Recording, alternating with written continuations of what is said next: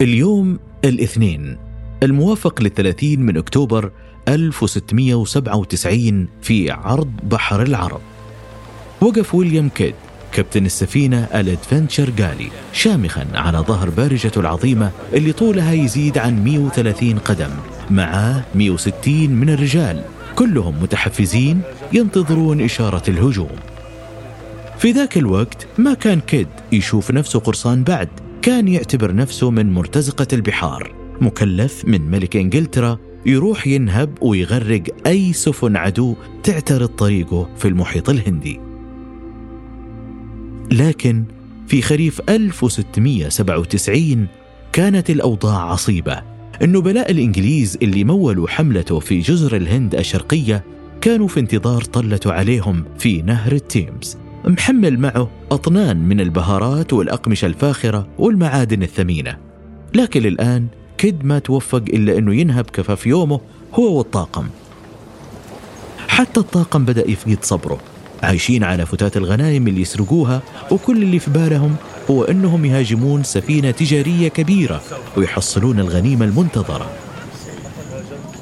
ففي يوم 30 أكتوبر لما شافوا سفينة على الأفق كانوا كلهم متعطشين للهجوم لكن القبطان كيد رفض وبشكل قاطع. سفينة ترفع علم هولندا يعني حليفة لمملكة إنجلترا اللي كان ملكها ويليام الثالث من مواليد هولندا. وزيادة على ذلك كانت من سفن شركة الهند الشرقية ذات النفوذ يعني مهاجمة هالسفينة كانت راح تخرب العلاقات مع الملك وتربح القبطان كد حبل المشنقة. أي علم وأي خرابيط يا شيخ؟ ما كان الطاقم عنده هدف غير الهجوم لدرجة أنه واحد من شباب مدفعية ال Adventure Galley ويليام مور واجه كيد بكلام قوي واعترض على قراره وصوته كان مليان تهديد. وفي أثناء المواجهة مور أشهر سكين كان للتو شحذها متحديا كيد ومهدد بالتمرد على القبطان وهجره على جزيرة نائية. كيد كان بطبعه حذر بس في نفس الوقت كان شرس وذو بأس شديد. أمسك ببرميل خشبي مثبت بحلقات معدنية رفعه فوق راسه وانهال على راس مور فيه بكل ما عنده من قوة. طاح مور على الأرض في بركة من دمه. فاقدا الوعي وتوفي اليوم اللي بعده متأثر بإصابته. بعد قتله واحد من رجاله ويليام كيد أثبت سلطانه على طاقم كان عنده وازع للتمرد. لكنه كمان تجاوز حد لا يمكن الرجعة منه رغم محاولته إنه ما يصير قرصان أصبح الآن قاتل. ولو انقبض عليه راح يشنقوه في وسط لندن على الملأ. تغيرت حياة القبطان ويليام كيد للأبد.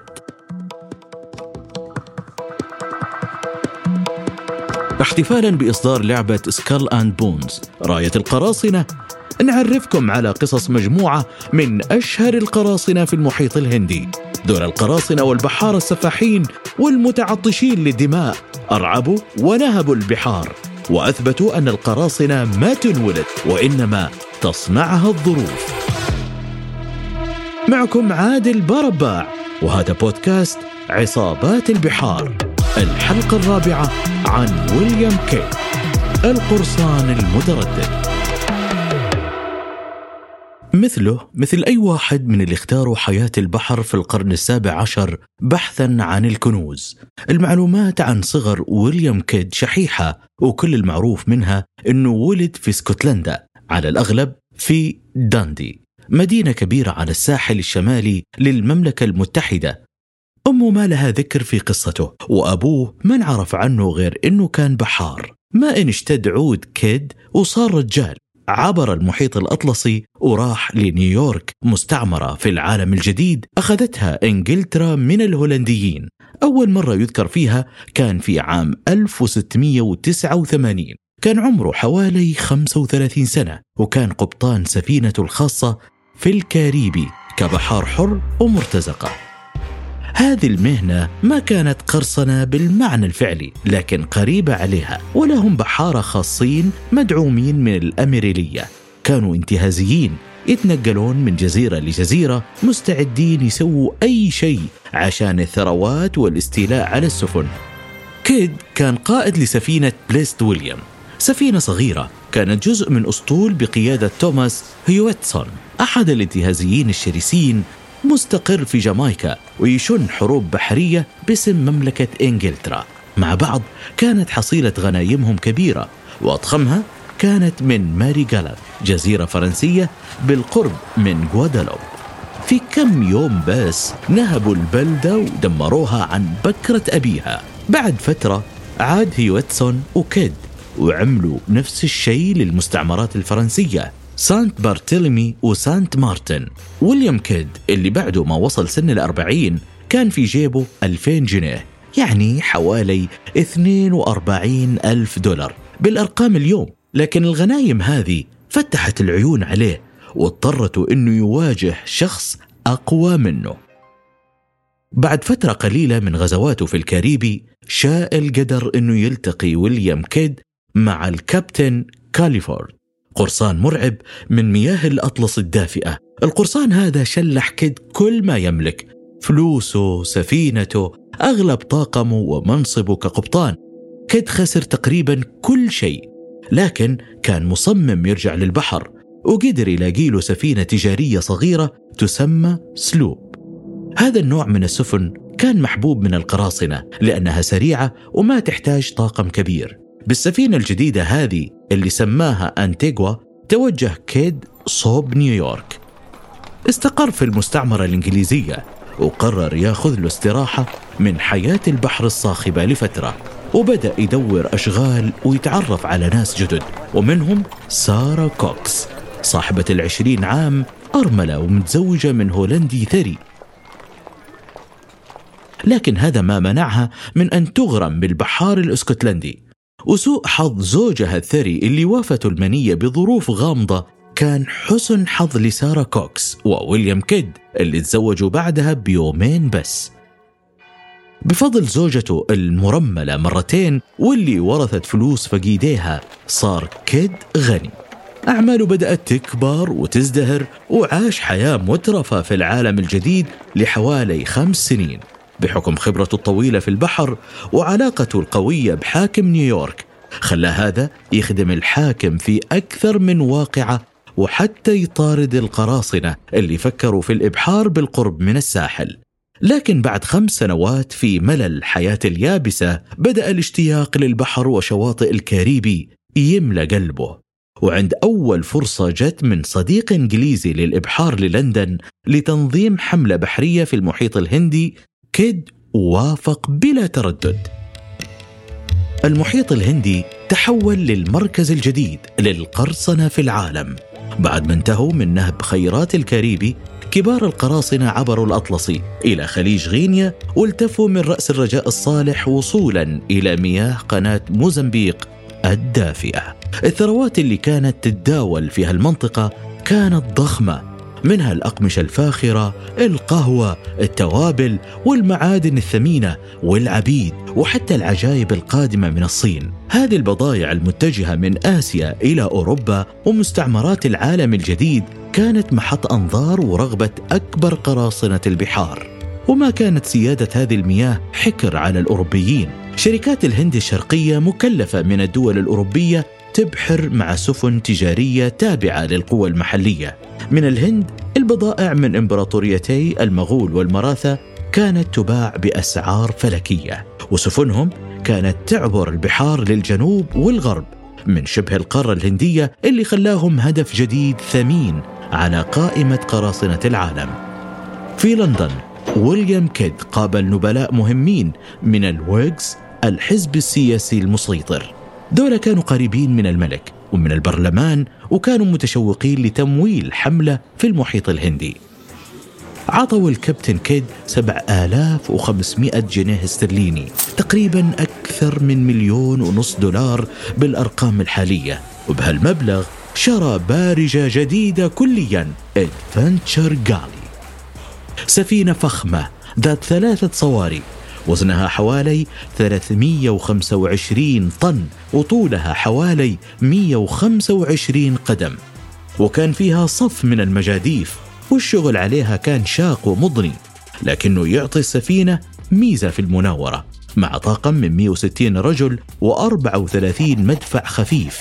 كانت الآمال كبيرة. خطاب تفويض رد الاعتداء للكابتن كيد هو إذن من الأميرالية ورخصة للنهب ويعطيه صلاحيتين وهم نهب السفن الفرنسية أعداء الإنجليز وإغراق سفن القراصنة اللي ما رحموا السفن التجارية المسافرة من آسيا إلى أوروبا من سنين. وبقي هذا التفويض ساري المفعول حتى مارس 1697 انطلق القبطان ويليام كيد على متن الادفنتشر جالي في 7 فبراير 1696 من نهر التيمز في رحلة بطيئة كانت بداية مشواره في عالم القرصنة والجريمة البحرية.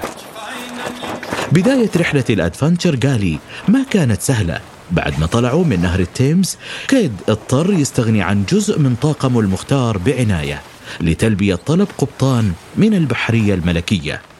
وعند وقفة التزويد في نيويورك الطاقم البديل اللي جمعهم كانوا أصعب في التعامل.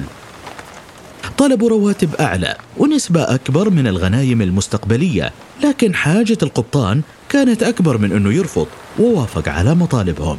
وحتى يزيد الوضع سوء في الرحلة الطويلة لإفريقيا ورأس الرجاء الصالح تمزق جزء من الأشرعة وهذا بطأ سرعة إبحارهم بشكل كبير. ولما وصلوا جنوب أفريقيا اضطر يستغني عن جزء آخر من طاقمه، لكن هالمرة لصالح قبطان بارجة حربية. لما انتهت مهمة الإدفانتشر جالي رسميا كانت راسية قبالة ساحل جزر القمر. شمال قناة موزمبيق. كيد كان عنده حتى مارس 1697 يكمل مهمته. لكن ما قدر يستولي ولا حتى على سفينة واحدة. وقف قدام خيارين. أحلاهما مر. يرجع لميناء تحت سيطرة الإنجليز ويحاول يمدد تفويضه أو يكمل رحلته ويهاجم سفن ثانية من دون تفويض. اختار الخيار الثاني وهو على علم أن ممولين الحملة ما راح يسامحوه إذا رجع خاوي اليدين. وعلى أمل تعويض الخسائر اتخذ القبطان كيد مسار القرصنة. لكن كان يحتاج لطاقم أكبر بعد ما خسر خمسين رجل بسبب الحمى فاستأجر قراصنة فرنسيين كانوا يبحثون عن سفينة جديدة وغنايم جديدة جاهزة للنهب. في خريف 1697 كان كيد قبالة سواحل الهند وبدأ رحلة طويلة في البحار يدور على فريسة. بس حتى بعد شهور من الإبحار في المحيط الهندي ما لقى طاقم الإدفنشر قالي الهدف المرجو. وهذا يرجعنا للمشهد اللي افتتحنا فيه. في ذاك اليوم المشؤوم في أكتوبر لما قتل كيد المكلف بالمدفع ويليام مور ظهرت سفينة هولندية على الأفق وكان الطاقم مستعد للانقضاض وسلب الغنايم. لكن كيد كان صارم وواضح. هذه السفينة ما هي بهدف لنا وما نقدر نهاجمها. والسبب الوحيد اللي منعه من مهاجمة السفينة الهولندية هو أنه متأمل في حفظ ماء وجهه. بس يرجع إلى أرض الوطن. الحظ ابتسم للأدفنشر قالي أخيرا. كيد وطاقمه كانوا قبالة ساحل كاليكوت. في الهند لما شافوا الريبريل سفينة مورية محملة بالأقمشة الفاخرة. وكونهم تجار ما كان عندهم فرصة صد هجوم القراصنة. استولى كيد والطاقم على السفينة ونهبوها وضموها رسميا لأسطول القرصان كيد. لكن الحظ لعب مع كيد فعلا في الثلاثين من يناير 1698 وبالتحديد قبالة ساحل ماليبار في غرب الهند. هو مكان مثالي لمهاجمة السفن اللي تحمل بضائع غالية. واحد من الرجال في عش الغراب شاف شراع على الأفق كانت سفينة الجيدا ميرشان تابعة لإمبراطورية المغول قائدها إنجليزي ومفوضة من شركة الهند الشرقية الفرنسية. سفن كيد ضبطوا مسارهم نحو هدفهم. رفعوا الأشرعة والرجال على المجاديف وصلوا القراصنة لسفينة الجيدا ميرشانت في أربع ساعات بس. حاصر كيد فريسته ومركز سفنه في المقدمة والمؤخرة من السفينة ليتجنب ضربات مدافعها.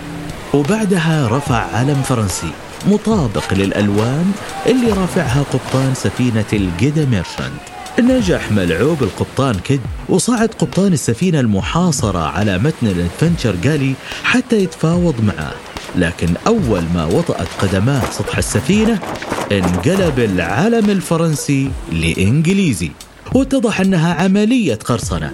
القبطان على طول عرف أنه انخدع وقال لويليام كيد توك حصلت غنيمة العمر. وفعلا صدق القول كانت تحمل سفينة الجدا ميرشنت شحنة بقيمة خيالية. 1200 قطعة من نسيج القطن الممتاز. 1400 كيس من السكر البني. 80 صندوق من الأفيون. نترات البوتاسيوم وكميات ضخمة من المعادن الثمينة. كل هذا كانت قيمة الغنيمة توصل ل 200 ألف ربية. كنز عملاق يساوي 27 مليون دولار في أرقام اليوم. كل بحار من الطاقم حصل على حوالي 200 ألف دولار. وهو مبلغ خيالي لرجال كانوا عادة يتقاضون جنيه واحد بالشهر. كان كيد يأمل إن هالغنايم تنقذه لما يرجع حتى لو كان تفويضه منتهي الصلاحية. استولى على سفينة محمية من الفرنسيين لكن خبر نهاية الحرب بين إنجلترا وفرنسا كان بعده ما وصل مناطق المحيط الهندي واللي كان متأمل أنه ينقذه حين عودته واللي كان متأمل أنه ينقذه حين عودته تحول لعمل قرصنة يعاقب عليه القانون. سفينة الجيدا ميرشنت وطاقمها انضموا للأسطول الصغير اللي تقوده الأدفنتشر جالي. توجهت السفن الثلاث وهي تفيض بالغنايم لجزيرة سانت ماري قبالة ساحل مدغشقر. هناك كيت قسم الكنز بين طاقمه.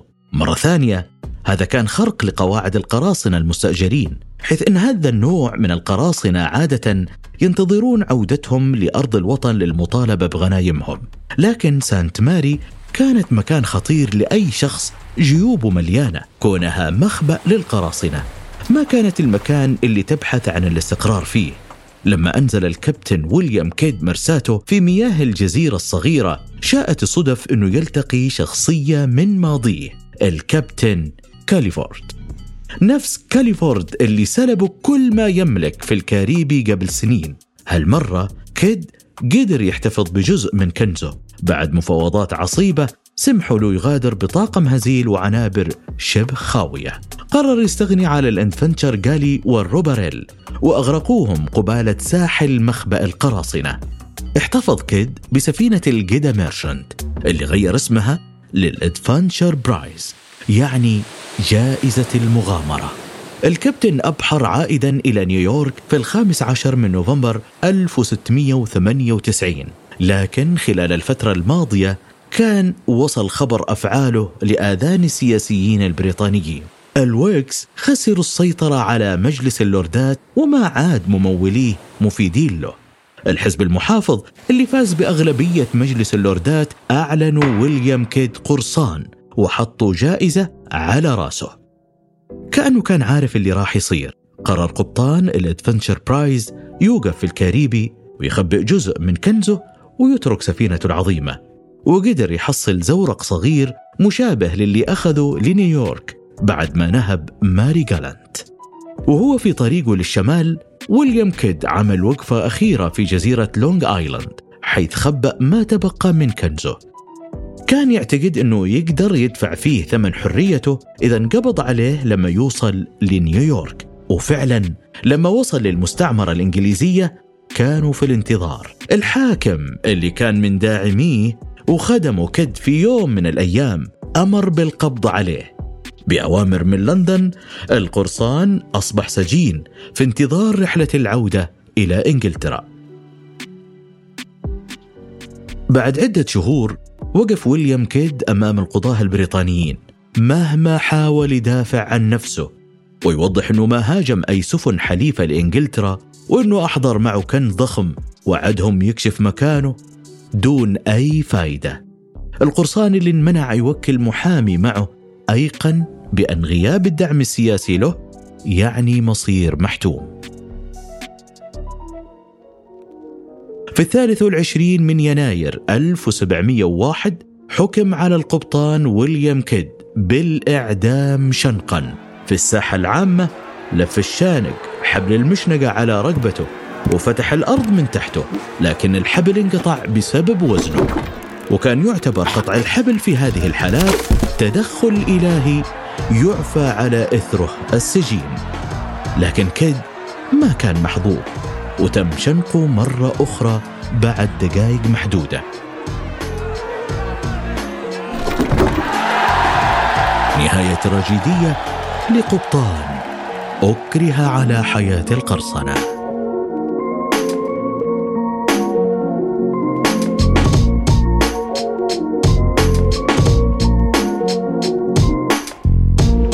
أنا عادل بارباع وهذا كان بودكاست من يوبي سوفت من إنتاج تراينجل ميديا هاوس شكرا لاستماعكم.